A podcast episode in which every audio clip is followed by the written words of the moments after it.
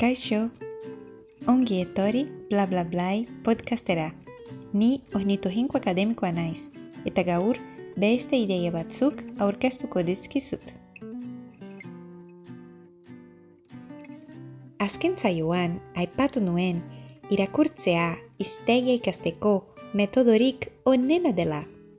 Hala ere, gehienok ez gaude ohituta gure ama hizkuntzetan irakurtzera. Are gutxiago, bigarren hizkuntza batean. Horregatik, gaurko zaioan irakurketa erraztu dezaketen ideia batzuk aurkeztuko dizkizut. Lehenengoa, liburu mailatuak. Liburu mota hori egokituta dago irakurketa erazteko. Horretarako, haien hitz kopurua eta esaldi egituraren zailtasuna mailaz maila handitzen dituzte. Bereziki elementu horien maiztasuna kontuan hartuz. Gainera, liburuaren testu nagusiarekin batera, bazter batean jartzen ohi dute glosario bat, hitz ez ohikoak azalduz.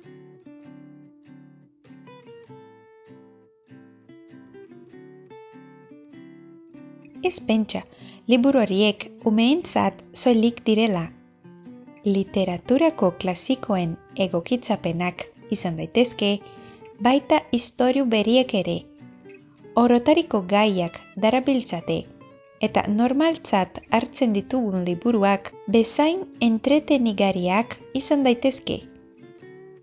Bilduma eta argitaletxeen arabera, maila ezberdinak erabiltzen dituzte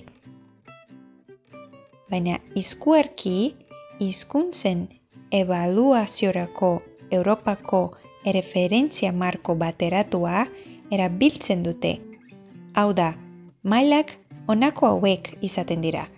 A bat, A bi, B bat, B bi, C bat eta C bi. Hori horrela, irakutzeko ohitura garatzeko hobe da zure maila baina urratz bat gutxiago duen liburu batekin astea.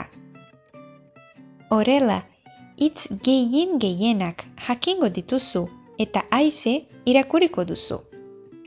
Baina agian ikasten ari zaren hizkuntzan oraindik liburu mailatuak ez badaude edo oso gutxi badira beste baliabide bat erabili dezakezu.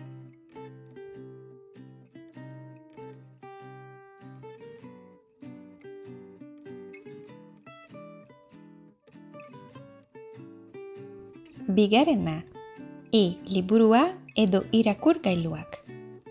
Jende askori liburuak ez ezkio gustatzen. Edo ari gehiago, bekatu bat iruditzen zaie paperezko aleak irakurgailu artifizial batekin ordezkatzea. Paperezko ukipena dela, liburu beriaren usaina dela, atxikimendu hori guztiz ulergaria da neu ere paperezko liburuen zalea naiz. Baina, bigaren hizkuntza batean irakurtzen ari garenean, e-liburuak oso mesedegariak izan daitezke. Liburu mailatuak ez bai dituzu edo liburu normalak irakuri nahiago baduzu, behin eta beriru iztegira jo behar izaten dugu hitz berien bila baina e-liburuetan hitz berri bat ikusia hala, esan naia ukitu batekin eskuratu dezakezu, beste ahaleginik egin gabe, eta horrek izugarri harintzen du irakurketa prozesua. Oso astuna baita behin eta beriru hitzak iztegian bilatzea.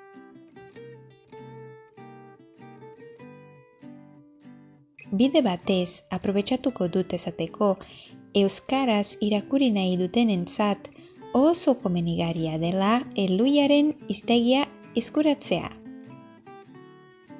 Iztegi hori, kindo irakur gailuaren zat egokita dago.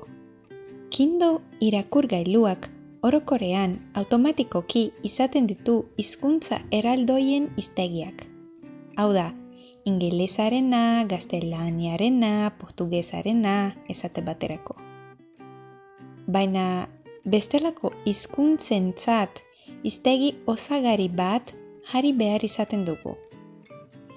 Eluiaren kindo irakur gailuaren zako iztegiek adibidez, ingelesatik edo gaztelaniatik euskarara itzulpena egiten dute. Bakoitzak bost euro balio du eta eluiaren web horian eroz dezakezu.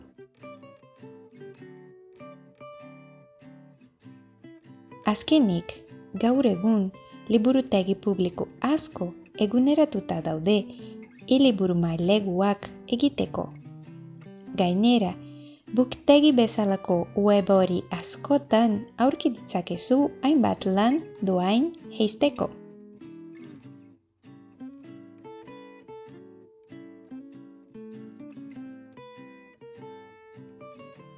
Hirugarrena, parte hartu irakurketa talde batean.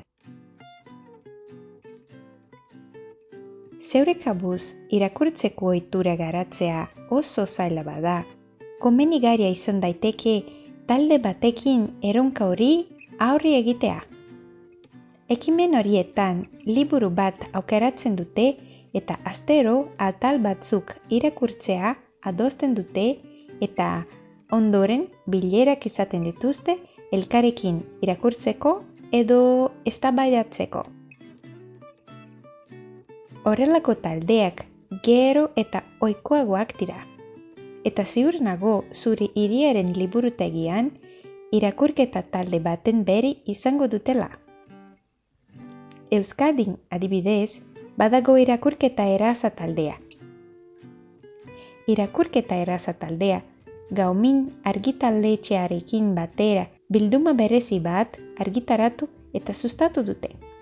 Bilduma hori liburu mailatuen egokitzapenaren aratago doa eta edukiak ezezik formatoa ere kontu handiz eginda dago irakurraldi alik eta erosoen ezateko.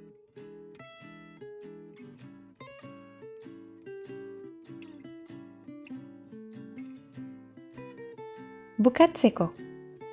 Irakuriz hitz beriek ikasiko dituzu, baina metodu hori eraginkora izan dadin zuretzat egokia den zailtasun maila aurkitu behar duzu. Ez erazegi eronkarik ez izateko, ez da zailegi zure motivazioa zapusteko. Alde batetik ez ahaztu zure gustukoa diren gaiak aukeratuz gero hobeto pasatuko duzula irakurtzen. Baina bestetik, zenbat eta generoen hitzago erabili, orduen eta iztegi handiagoa ezagutzeko aukera izango duzu. Orduan, saiatu horreka hori aukitzen. Hildu beretik, zurizkuntzan dagoeneko irakurri duzun liburu bat baliagaria izan daiteke. Historia eta testu ingurua ezaguna baduzu errazago barneratuko dituzu edukiak. Azkenik, jari ezaiozu zeure buruari, azteko irakurketa helburuak. Liburu bat astero edo amar hori alde, zuk aukeratu, baina zaiatu alik eta gehien erutinari eusten. Jaraipena izatea, gakoa da, ohitura bat garatzeko. Zaioaren deskribapenean utziko dizkizu Euskadiko e liburutegirako, eluier, buktegi eta irakurketa taldearen web horirako iztekak. Esper dut eduk hau zure gustukoa izatea eta mila esker buka eraraino entzuteagatik. Ondo ibili eta entzun arte!